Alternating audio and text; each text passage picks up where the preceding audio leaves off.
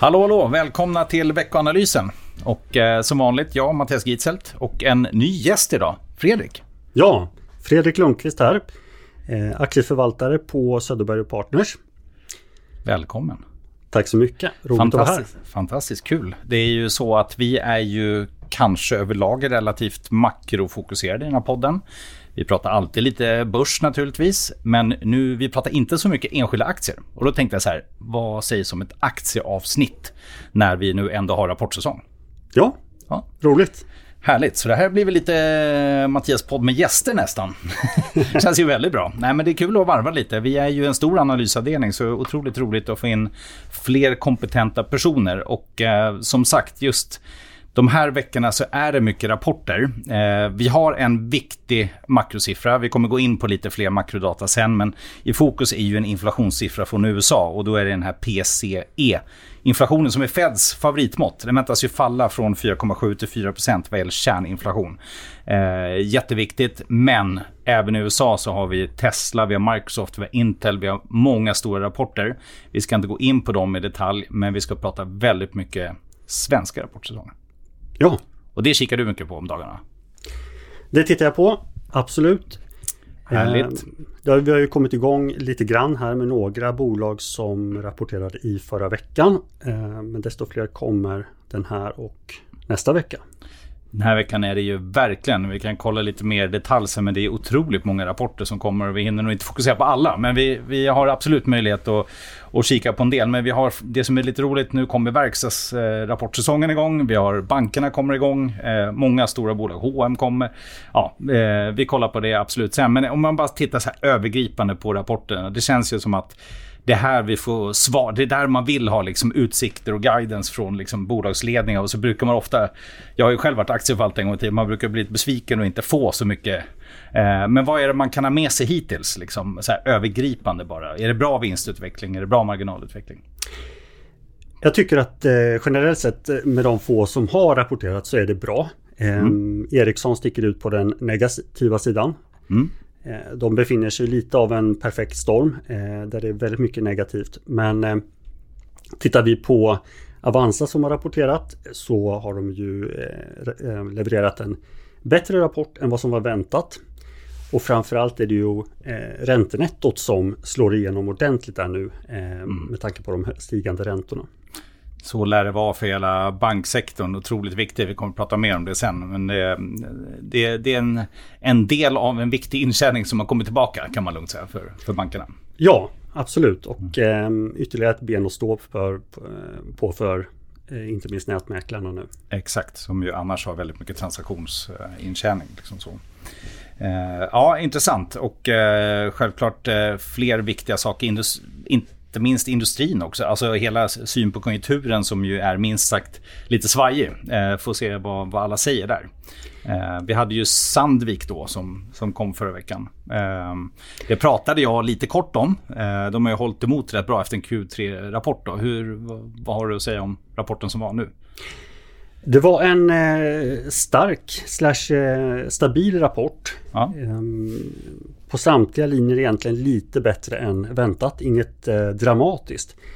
Men eh, den viktiga marginalen kom ju in lite bättre än väntat och eh, i linje med deras finansiella mål. Mm. så det var ju en bra sak att kunna bocka av. Mm. Sen går ju gruvdelen inte minst väldigt starkt och mycket har att göra med den starka efterfrågan på mineraler. Mm och metaller eh, som i sin tur har att göra med elektrifieringen som vi står inför. Mm. Eh, roligt är också att bil och flygdelen inom eh, som Sandvik eh, jobbar mot går också starkt medan den allmänna industrin går lite svagare. Mm. Det man kan väl säga generellt sett tycker jag också för de här bolagen som hittills har rapporterat är att de är eh, ganska försiktiga med att uttala sig om eh, närmaste kvartalen här.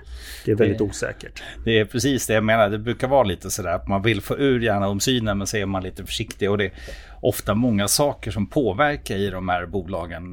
Det är liksom, kan finnas en lagereffekt som man inte liksom ser direkt och det kan vara, ja, eh, eh, det är ju ganska stora bolag så väldigt bred, brett och diversifierat.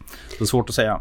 Ja, Precis, och vi har en, eh, vi har en hög inflation. Eh, vi har ett annat ränteläge nu än tidigare och eh, hittills har Sandvik till exempel då lyckats att kompensera sig för inflationen. Det tar ju ett tag innan det slår igenom. Nu i Q4 så lyckades man med det helt. Ehm, men som sagt, det är ju lite mer osäkert än vad det brukar vara. Ja, och även där så slår ju högre finansiella kostnader och ja, i Sandviks fall högre skatter slår igenom. Så att det här med, även om det kommer in en rapport som är stabil på alla sätt, man vet ändå inte riktigt var vinstvärderingar landar initialt innan eh, man har, man har tittat på allt. Men hur som helst, Sandvik, bra bolag eller? Du gillar det? Jag gillar det. Eh. De har gjort eh, ganska mycket förvärv senaste åren. Mm. Ehm, och ehm, blivit mer mjukvarufokuserade eller förvärvat mycket inom mjukvara. Mm.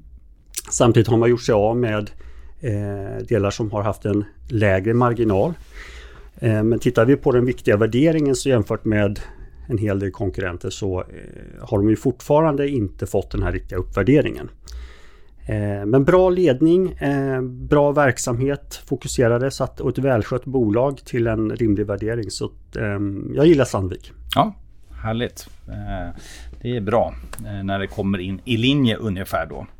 Eh, man kan väl säga i övrigt i Sverige, det har inte kommit så många bolag än. Eh, var det något mer som vi har missat? Du nämnde Avanza. Invest, Investor har vi haft va? Investor, ja. eh, precis. Och eh, där är ju ganska mycket känt från deras eh, noterade del mer eller mindre. Mm. Men däremot så har de ju en ganska stor onoterad del som heter Patricia Industries. Just det. Och eh, den där delen gick ju väldigt starkt i Q4 eh, med en 30-procentig vinsttillväxt. Mm.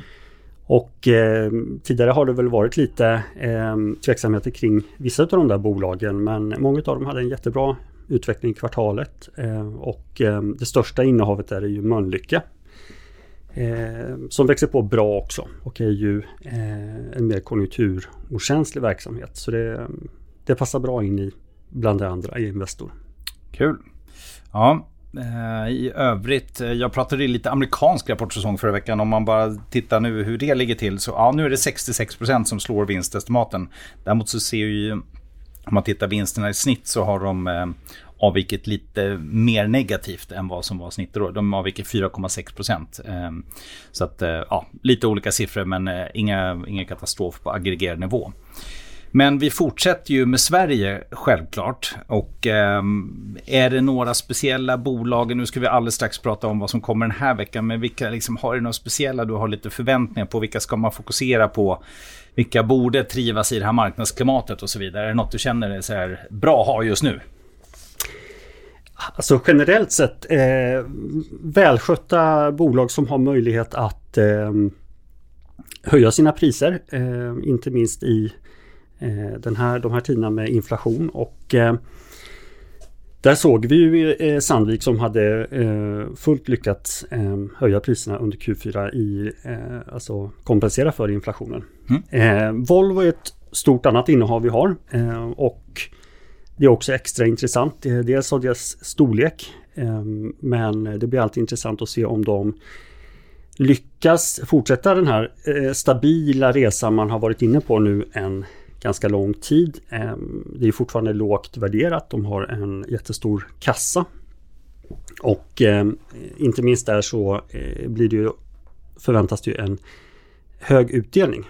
Eh, Exakt. Som de har gjort de senaste åren. Och, ehm, så det blir intressant. Eh, jag skulle tro att de når den här 10 rörelsemarginalen i, som de har som mål mm. över tid i Q4? Ja, jag, jag är lite fascinerad. Nu är inte jag så aktieinsatt som du, men jag tycker liksom när man bara tittar på det, det verkar vara otroligt stabila kassaflöden och stabila vinster. Eh, hög utdelningsnivå man har hållit. Eh, rätt låg värdering faktiskt. Jag tror det är P11 eller något sånt där.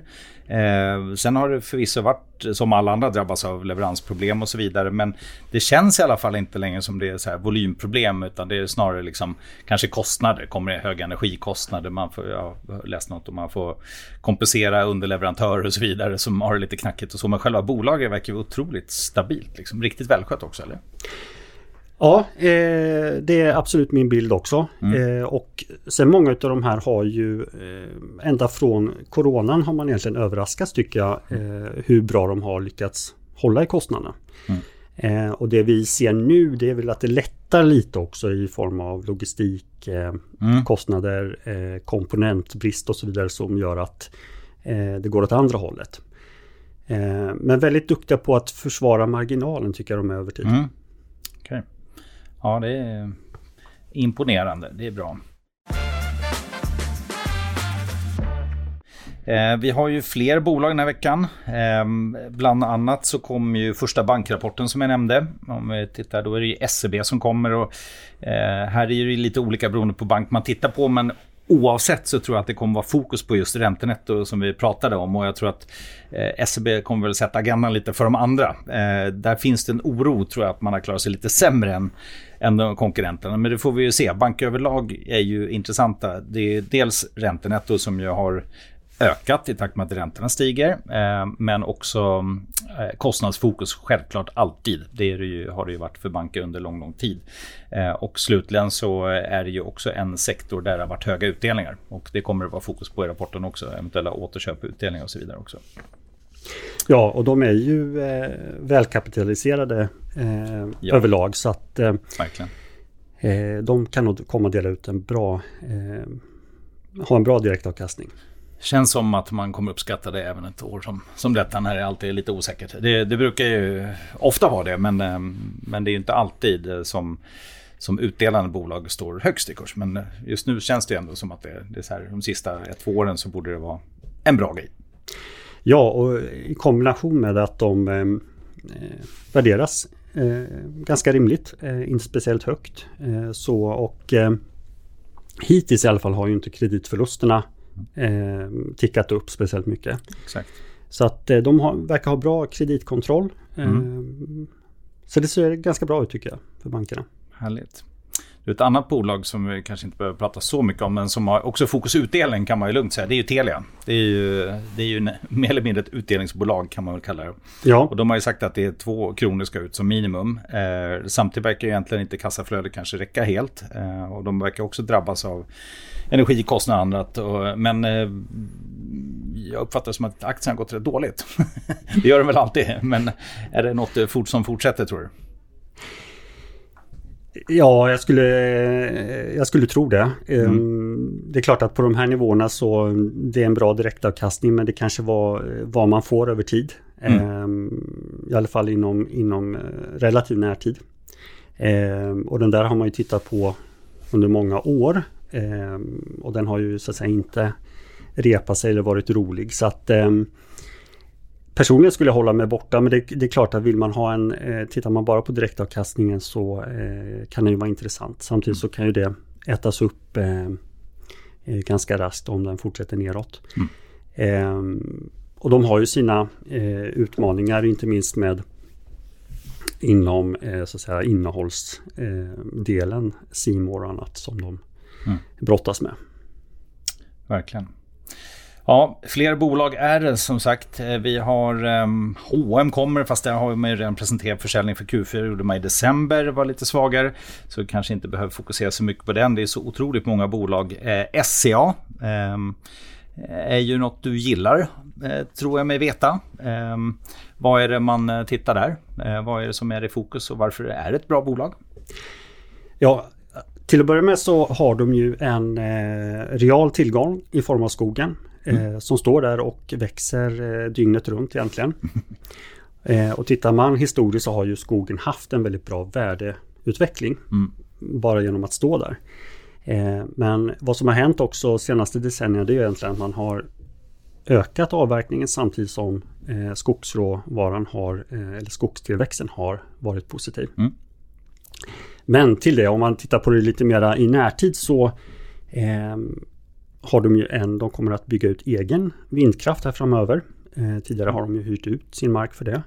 De har också väldigt mycket spännande på gång inom drivmedel eh, som är då hållbara eller biodrivmedel. Mm. Och där har de ju också till stor del råvara. Sist men inte minst så eh, har de ju förvärvat ganska mycket skog i Baltikum och eh, har som plan att fortsätta att göra det. Och där är ju eh, tillväxten i skogen eh, bättre än i norra Sverige. Så att mycket talar för SCA framöver även om värderingen just nu kanske är något stretchad. Mm. Nej, skog kan aldrig vara fel, men eh, om jag tänker rätt så är de väl Europas största privatägda, eller ja, det är Europas största privatägda skog som ja. SCA har. Och det verkar inte bli mindre. Nej, precis. Man brukar mm. säga norra Europas största skogsägare. Det kanske är det det bara. Jag vet inte om det finns någon större i södra Europa, men det är stort, absolut. Det, och det är ju ett, som sagt värdering kanske lite stretchat. Eh, det som jag i alla fall tror skulle kunna vara negativt för bolaget är väl helt enkelt en svagare dollar också. Eh, för det är väl också en sån här valutavinnare. Eh, och det, det, finns det ju en hel del bolag om. Ja, nej men absolut så är det. Yes, eh, vi fortsätter med eh, verkstadsbolag. Eller ja, nu var vi inne på skog i och för sig, men vi pratade Sandvik och Volvo förut. Atlas, eh, ja, det är väl också, jag tänkte, det är väl också mycket värderingsfråga. Eh, så. Men är det någonting, eh, vad har du för syn på Atlas? Är det något man ska äga på sikt? Ja, eh, och eh, det är ju vid ganska få tillfällen Atlas är billig. Ehm, men de visar ju på en ehm, exceptionellt bra marginal över tiden mm. Eh, och tillväxt. Eh, och har ju med sin kompressor och vakuumteknik exponering mot mycket som växer väldigt bra. Så att ja. jag tycker absolut man kan ha Atlas i portföljen över tid. Ja, det låter rimligt. Så får vi se här. Det är som vanligt med alla verkstadsbolag. Det är fokus på orderingång och framtidsutsikter. Får vi se hur, hur den tas emot. Ja. Men um, man ska ju samtidigt eller inte vara alltför kortsiktig i sånt här. Utan hela din förvaltningsstil går ju också ut på att vara lite långsiktig. Så att det är inte, det är inte alltid eh, en rapport påverkar din syn, eller? Nej, så är det. Och eh, tittar vi, eh, vi kan ju ta Avanza som exempel, så hade de ju ett eh, nettoutflöde här på en miljard ungefär under mm. Q4. Eh, tittar man på helåret 2022 så var nettoinflödet 24 miljarder om jag kommer ihåg mm. siffran rätt. Eh, så att ehm, det är klart, blir det en längre trend så är det inte roligt men ofta kvartalen är ju lite slagiga. Så är det. Ja, det, det, låter som du har en, eh, en långsiktig syn, vilket vi alla gillar. Eh, det är lätt att gå bort sig på kort sikt. Är det något annat så här? Jag tänker på, eh, länge var det ju hypat med spelbolag och andra så här, det vi kanske kallar för förhoppningsbolag. Vad, vad tycker du om sådana? Ja, det är ingenting jag investerar i. Nej. Jag tror att det är lätt att gå bort sig och mm. just i det här med att det är en förhoppning gör också att det är väldigt få som eh, blir bra på sikt. Mm. Eh, så att, och spelbolag investerar inte i, i, på grund, delvis på grund av hållbarhetsskäl, ESG. E Jag tror i och för sig inte man behöver ha dem ändå. Det finns så många bra bolag på börsen.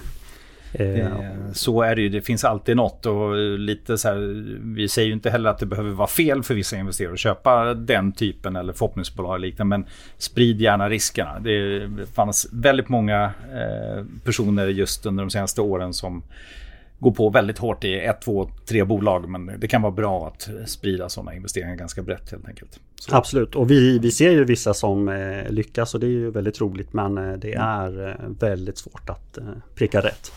Så är det. Eh, omvänt då, om man är väldigt långsiktig så vill man inte ta de här spekulativa riskerna. Eh, om man vill titta tio år senare i portföljen, vad, vad ska man ha då? Är det investmentbolagen eller är det, om man vill vara lite försiktig? Eller vad, vad ska man välja? Jag tror att investmentbolagen eh, generellt sett är en väldigt bra grund. Mm. Du får en riskspridning. Du får ägare som oftast eh, jobbar eh, stenhårt för innehaven kan de eh, får också möjlighet att göra nya affärer. Mm. Eh, så att eh, och i övrigt eh, bolag med en beprövad affärsmodell skulle jag säga. Mm. Många av de här bolagen skulle kunna vara del utav investmentbolag men kanske inte är det. Så att, och sen en bra portfölj spridd i olika branscher. Mm. Och jag tror att tittar man på många av de investmentbolag som har varit väldigt framgångsrika över åren så ett skäl till det tror jag är att de har varit väldigt långsiktiga. Eh, naturligtvis har de många bra fina bolag, inte mm. alla men många och eh, sen har de behållit dem också. Mm. Ja, det är nog eh, det bör många titta på. Det är faktiskt ofta värt att behålla bra bolag länge helt enkelt och inte ta hem snabba vinster. Då behöver man vara väldigt påläst på, på kort sikt hela tiden. Eh, väldigt bra. Du vet, eh, så här är det egentligen. Egentligen har vi en kvart för den här podden. Ja. Idag har vi ett specialavsnitt med dig. Då har vi lite mer tid, men det har gått 20 minuter. Eh, tiden går fort. Ja, tiden går fort när man har roligt. Eh, men jag tänker så här, vi brukar ju faktiskt nämna lite också makro och annat. Eh, så nu har vi pratat väldigt mycket bolag och det kommer faktiskt några till som inte har nämnts. Vi kan gå igen, inte gå igenom allt. Det kommer Esset, det kommer eh, Trelleborg och det kommer ja, en, en rad andra bolag helt enkelt. Och vi får summera igen nästa vecka. Men i övrigt då, börserna den här veckan. Det som är i fokus kan man väl säga, Kina är stängt. Eh, hela veckan på grund av nyår. Det är kaninens år. Eh, då ska det vara stängt. Och eh, då behöver man eh, ja, inte bevaka i alla fall den marknaden. Men i övrigt så kommer det en del makrostatistik som vanligt. Jag nämnde inflationssiffror i USA. Det kommer också preliminära inköpschefsindex från en rad länder i Europa, eh, men också i USA. Eh, det kommer IFO-index eh, som mäter eh, tysk näringslivsklimat i Tyskland på onsdag och det kommer preliminära BNP-siffror från USA på torsdag och lite bostadsdata och sen har vi också svenska konjunkturbarometern eh, i Sverige och även på fredag svensk detaljhandel.